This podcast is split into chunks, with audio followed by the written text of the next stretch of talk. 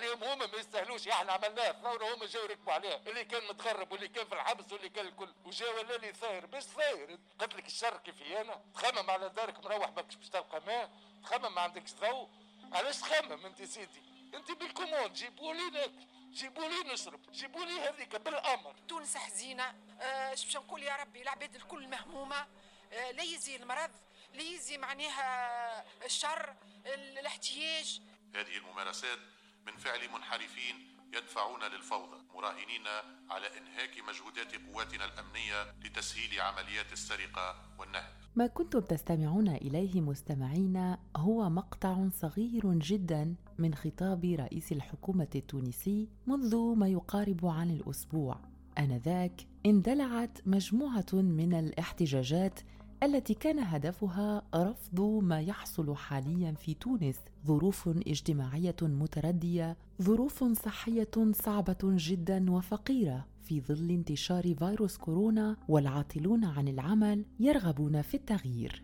بما أنهم أصبحوا يعدون بمئات الألاف في صفوف الشباب التونسيين رئيس الحكومة التونسية رأى بأن هذه الاحتجاجات وكل ما رافقها من تكسير وتخريب لممتلكات الغير لا يمكنها أن تكون احتجاجات سلمية، وإنما هي غاية مغرضة. هدفها تدمير ما بني إلى حد الآن بعد الثورة التونسية واندلاعها في الرابع عشر من جانفي لسنة 11 وألفين. أما عن المواطنين التونسيين فصفوفهم انقسمت إلى نصفين. هناك من يوافق رئيس الحكومة رأيه فيما يخص الحركات الاحتجاجية الأخيرة وهناك من يقول بأن هذا وجيه جدا في ظل ظروف مماثلة. هؤلاء يرون كذلك بأن الثورة التونسية التي اندلعت في وقت ما لم تحقق أهدافها ابدا ولم تمنح الشباب الذين ساهموا في اندلاعها فرصة تحقيق أحلامهم وطموحاتهم بتحسين ظروفهم المعيشية المختلفة.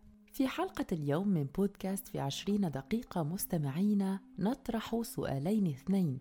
ما هي انتظارات الشباب الحقيقية من وراء الحكومات المتعاقبة والتغييرات الطارئة في الوزارات المختلفة لحكومة المشيش مثلا؟ والسؤال الثاني هو كيف يقيم الشباب الوضعية الحالية في تونس خاصة من وجهة نظرهم لا من وجهة نظر سياسية. دعونا مستمعين قبل الحديث عن ما يرغب فيه الشباب التونسي فعلا. نحدثكم عن الأوضاع الحالية في تونس وحقيقة حقيقتها عدد الحاصلين على شهادات عليا والعاطلين عن العمل يتضاعف يوما بعد يوم. الظروف الصحية في تراجع كبير خاصة بعد انتشار فيروس كورونا القوي في تونس. أما الظروف الاجتماعية العامة من قدرة شرائية وقدرة على مواجهة المصاريف البسيطة جدا يعني كل ما يتمثل في التداوي والغذاء وغيرها من المصاريف التي تواجه كل شخص بشكل عادي وطبيعي. كل هذا أصبح تقريبا صعب المنال في تونس. تونس التي أصبحت تمتلك عالميا المؤشر العربي الأعلى في ارتفاع تكلفة المعيشة اليومية. ياسر غالي ياسر ياسر ما عادش خالتين. صدقني توانسة جاعوا توا إحنا ناخدموا اثنين باش نعيشوا قد قد تعرف؟ توا كنت نحكي مع الراجل ولينا ناخذوا كيلو تفاح باش يشدنا عائلة كعبة ناكلوها نقسموها براج. لانزاس ب 12 دينار نغزر له بعيني ما جمش نشريه اللي نحبه اللي قبل كنا نشريو فيه ما يفوتش 4000 3000 وشوية. الدجاج ولينا نستحفظوا اللحمة قد هكا نحطوا فيها. ياسر معناها ياسر. أنا اللي راه فيه البلاد هذيا اللي شادينا مش فاهمين الشعب هما في آه، ناحية والشعب في شيخ مش فاهمين الضوء زاد يسر علينا يجي غالي ياسر معناها والماء شنو؟ 150 دينار ماء. أنا نشربوا في الصافيه هذاك ما يتشرب نسيقوا ونمسحوا ذولي باش نولي نعملوا بالصافيه خير يظلي فهمتني ياسر؟ أنا واحدة من الناس مريضة قسما بالله عطاتني rendez-vous باش نرجع بعد شهرين معناها باش نعمل contrôle ما حبيتش نرجع. اولادي يقراو. حاجتي داخل. 60 دينار يسر علينا طب زاد 60 دينار. هاكا عاود شريت الدواء هو بيدو هكا هو قاعدة ناخذ فيه بنيتي ما عادش خالطين تو واحد باش يكسي ولادو ما ينجمش. ال fripe ما عادش حتى تلقى فيه الحاجة الباهية قبل كنا شبعانين في ال fripe. تكسي روحك كبوت تدرى شنيا مراول تو ما فماش fripe. حتى ال fripe مقصوص ما عادش فما. غالي غالي ولا وحتى كان تلقى غالي ال fripe معناها بصراحة جعنا برشا عباد جعانين يلقطوا في الزبلة. معناها دبابز. شيء معناها بصراحة ياسر ياسر ما نعرفش وين ماشيين بصراحة. اللي شادينها يلزم ناس كفاءات وكاهو في الاقتصاد في الدنيا يلزموا يهبطوا الواقع. أنا اللي ريته حسب أنا وعندنا groupe ياسر في الفيسبوك. المرة الأخرى حاطين تصاور المسؤولين التوانسة كي يشدوا بقعة يوليوا بيض شبابات السمان يلبسوا بالكدا البرا أنا ريت ماكرون كيما رئيس أمريكا كيما برشا ضعافوا يجريوا مع شعبهم يهبطوا الميدان يشوفوا يجريوا. هاكم ضعافوا كلهم وحدكم قارنوهم. أحنا يولي مسؤول يولي كانوا هو في بلاد أخرى وإحنا في بلاد أخرى. يقول لك نقص إيش نقصوا؟ أنا ولينا ندوروا نسكروا في الضوء. أنا ولينا معناها ياسر بصراحة ياسر عمري ما ريت. هذا شيء بعد الثورة بصراحة تعذبنا متنا آه جعنا وديما في الغلاء ديما في الغلاء تنقص الضوء تجيك هي بيدها. تنقص الماء هي بيدها. معناها بصراحة ياسر ياسر ربي إن شاء الله يسترنا وين ماشيين وكاو وعلى غرار ارتفاع تكلفة المعيشة التي أصبح كل الأشخاص في تونس بالعاطلين عن العمل بغيرهم من من يمتلكون عملا قار أو شركة صغيرة أو مشروعا خاص كمصدر رزق فإن التفاهم بين الطبقة السياسية والمواطنين من ناحية أخرى أصبح صعبا جدا والهوة تكبر بينهما يوما بعد يوم. وما يشكو منه المواطنون فعلا هو قلة الإصغاء إلى مشاغلهم وإلى همومهم وغياب الكفاءات التي تقدر فعلا على إيجاد حلول سريعة في وضعيات اجتماعية حرجة كالتي تعيشها تونس في هذه الأيام. على خاطر كان هما في واد وإحنا في واد رانا مانيش نتقابلوا بالكل، بصراحة مسخفني حال بلادي، تونس حزينة، أه باش نقول يا ربي؟ العباد الكل مهمومة، أه لا يزي المرض، لا يزي معناها الشر، الاحتياج، ياسر معناها بصراحة عملنا ثورة في بالنا باش نوليو ça va وباش باش نتقدموا كيما شعوب لقينا رواحنا. هبطنا ياسر. الجهل كثر المدارس تسخف السبيطارات مشيت أمي عم تاكسي مشيت السبيطار ليوريك عباد كيفاش سخفوا معناها ملوحين. وذاك الكل تدفع في فلوس حتى عندها carnet تدفع في فلوس معناها لا ثم دواء لا حتى شيء معناها. ما عندنا شيء. عايشين هكاكا. فهمتش؟ عايشينها الهامش تونس يا خسارة. تونس فيها الخيرات الكل اللي في الدبابز هذوك كان هما عملوا لهم مشاريع في بلادهم. راهم يلموا في كلافز وسفناريا وبطاطا ومعدنوس مش يلموا في دبابز في الوسخ وفي الخمج مساكن وكيكة. وإحنا عندنا بلادنا فيها متوسطة تونس متوسطة normalement فيها كل شيء عندنا كل شيء باهي normalement نعيشوا خير من برشا عباد لازم يشدوها يعرفوا كيفاش يشدوها. الفلاحة عندنا معناها البحر ما شاء الله عندنا معناها ربي يهديهم وربي يهديهم. أنا تو كنت نعمل في دورة باش ناخذ يعني شاي شوية حوت شاي عندي 20000 تفجعت ما عرفتش وين باش تشب يعني 40000 ما عادش يعملوا طنجره يعني كي نحطوا 40000 ما يعملوش طنجره في الثلاثه يجوا مليون و200 في الشهر. جاتني ورقة ماء من لا شيء ها هي فوق مني 156 ولا 71 نتغبن منين باش نخلصها. مرة بطل زوز ولاد بطل ها هي. يعني كل شيء بالمكشوف. 136 ألف. باش يقصوا عليا مال باش يخلصوا بطال بطال بطال. يحبونا نعيشوا توانسة باش نقول لك لما ما بجاه ربي متحمل مسؤوليتي الكل. حب تونس ترجع لاباس خويا عندنا 217 نايب. أقل نايب يتكيف على الدولة ب 10 ملايين في الشهر. أحسبهم قد يجيو في الشهر؟ أحسبهم في العشر سنين اللي تعدوا تو نلقوا ميزانية الطبيب طبيب والمهندس مهندس ورجل أعمال رجل أعمال واللي هارب من الضرايب والكناتري وكلهم في مجلس النواب. على مجلس النواب يمشي تبرع أنت تخدم عندك شهرين. اخدم تبرع ديماك تحب تونس. بورقيبة عاش عمره كامل مات ما يكسبش دينار ما يعرفش فلوس تونس. هذاك حب تونس أنتم تحبوا رواحكم. بكيت عليهم هما ما يستاهلوش إحنا عملناه. ثورة هما جاوا ركبوا عليها. اللي كان متغرب واللي كان في الحبس واللي كان الكل. وجا ولا لي ثاير. باش ثاير؟ قلت لك الشر كيف أنا تخمم على دارك مروح ماكش باش تلقى ماء تخمم ما عندكش ضوء. علاش تخمم انت سيدي؟ انت بال commande جيبوا لي ناكل جيبوا لي نشرب جيبوا لي هذيك بالأمر. أنا ليه نمشي نسخر عايش أختي أعطيني 2000 خويا يعطيني دينار. يعيشوا هما العيشه هذه. ويجي يقول لي تونسي باش تونسي باش. لا يمكن أن نجد مستمعينا أكثر من هذه الكلمات وهذه المشاعر تعبيرا عن الوضعية الحالية في تونس وخطورتها وحساسيتها. وفي ظل كل هذا ما تزال الحكومة مرتعشة الأيادي فيما يخص قرارات توظيف لأكثر من ستين ألف عاطل عن العمل من حاملي الشهادات العليا وذلك خوفا من تزايد المصاريف في الموازنة المالية التونسية وهو الشيء الذي من فك تتفاداه تونس خاصة بعد المصادقة السريعة. والمتزعزعة على ميزانية عشرين وألفين وواحد وعشرين وألفين. وقد ناقش برلمان تونس في عدة مناسبات مشاريع قوانين مختلفة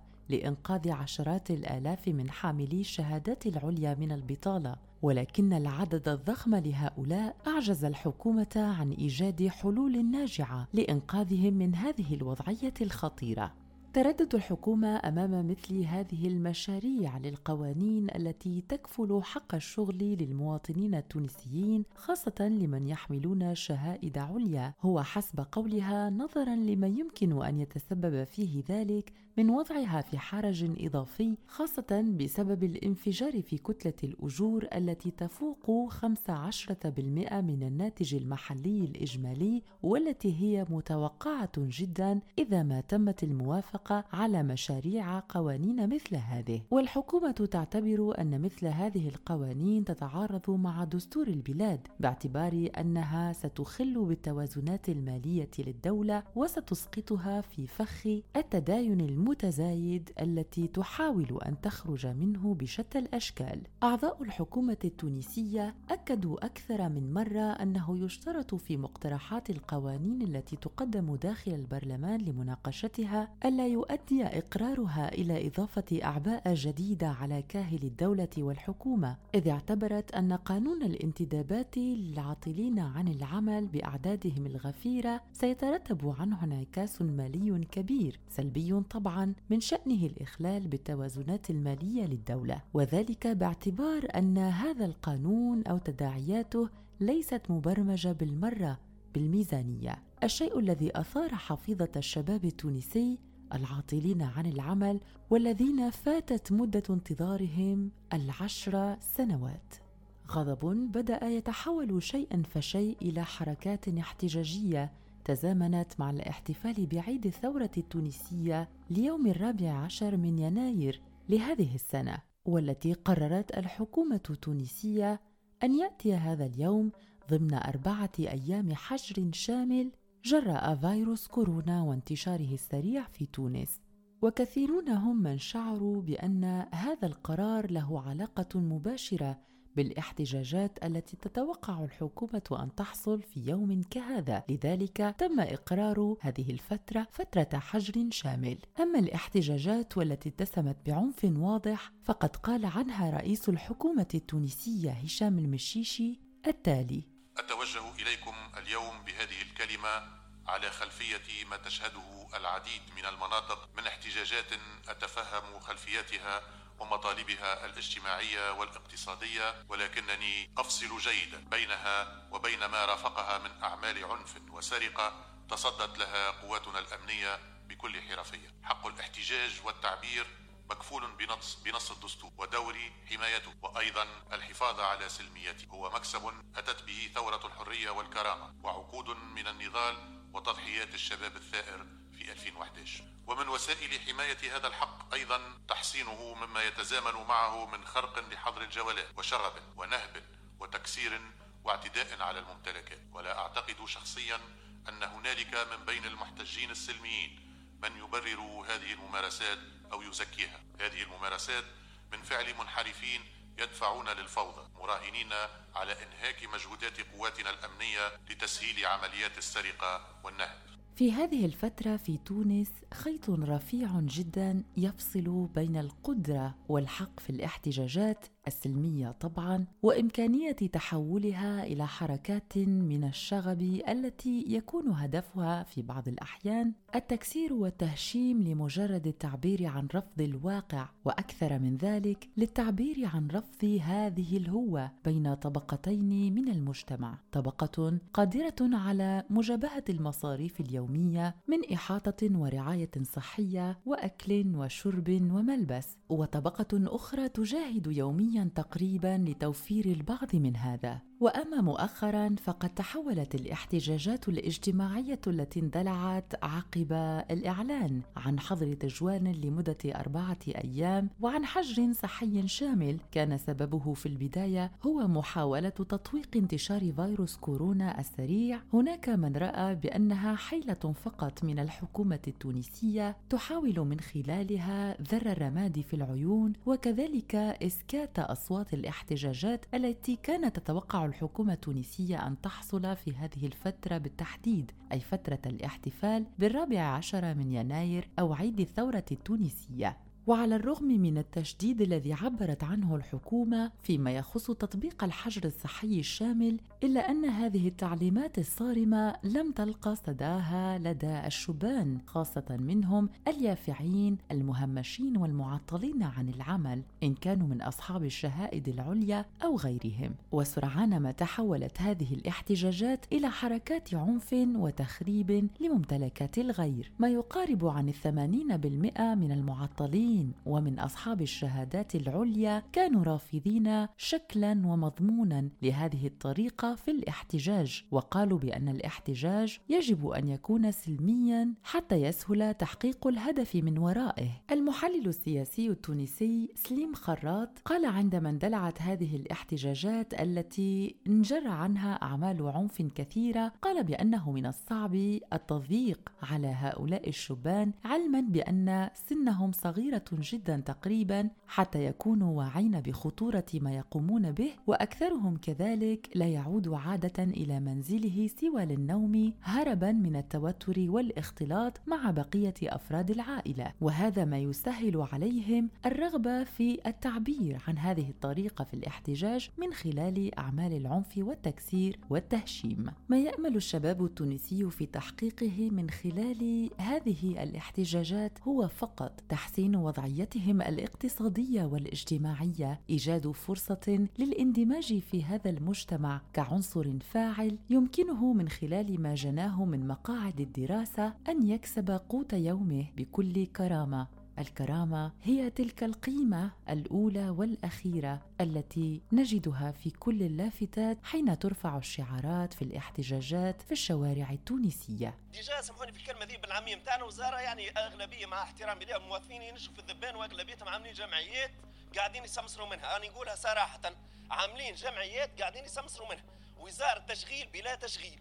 نعودها مرة أخرى. وأنا ما بصراحه اني نطرح لرئاسة الحكومة جديده وزارة التشغيل ما يبقوش يكذبوا علينا بوزارة التشغيل يمشوا يضموها هي وزارة يضموها لوزارة الفلاحة ولا يضموها لوزارة التربية. لأني بكل اختصار الواحد يمشي عاطل عن العمل يدخل للبيرو التشغيل يلقى من التشغيل ومن داخل ما فما حتى أي تشغيل. حتى ولو يعطوك تشغيل يمشوا ياخذوا فيه من الجرايد ولا ياخذوا فيها عناوين يعلقوا فيها. هذه حقيقة نقولها. رأي أغلبية 99% من مكاتب التشغيل هي كذبة على العاطلين على العمل. وتوسل أي واحد عاطل عن عمل إذا كان استفاد من مكاتب التشغيل. تكوينات في الفارغ يعني شعارات يرفعوا فيها في الفارغ. هما في حد ذاتهم نعودها مرة أخرى هما في حد ذاتهم في حاجة إلى التشغيل. في حاجة يلقوا حاجة باش ينجموا يخدموها وزارة التشغيل.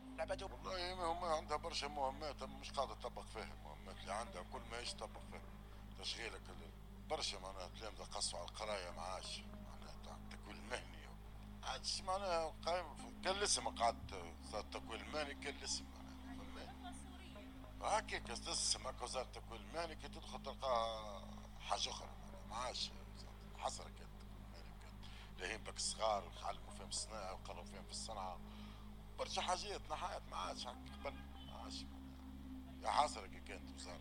والله ممكن اللي حس معلومة الديانة معنا كوزارة تشغيل. كل ما هو تشغيل في تونس. المتخرجين من التكوين المتخرجين من الجامعات المتخرجين من كذا تلقى الحلول نتاع الشغل هي مش مربوطه بيا حلول كيما نقولوا إحنا ما توجدش من قبل مش من تو هي. معناتها صعيب برشا حسب الاقتصاد نتاعنا حسب المواطن الشغل حسب برشا حاجات مربوطة كل شيء مربوط ببعضه. مش بليجي معناها شكون إنسان مش يخرج مش خرج مش تلقى هي خدمة. يوم برسي فما ناس خدمت وفما أفاق وناس خدمت وناس كذا برشا ناس خدمت. فما ما نقولوش إحنا 100% صعيب برشا باش تلقى 100% باش خدم الشعب الكل. فما بنسبة 40% موجودين. وزارة التشغيل في تونس مهمتها نعطيك مهمتها ومن بعد نجيك نعمل؟ مهمتها تشغل الشباب وتوفر الشغل توفر الشغل للمواطنين. أما هي توا مهمتها راقده السيد الوزير هاو فهمتني؟ ولا ضرب القراط نتاعو وزير واللي تحته كل يخدموا فيها خدموا ثم شوية شغل أم يخدموا في بناي عمهم.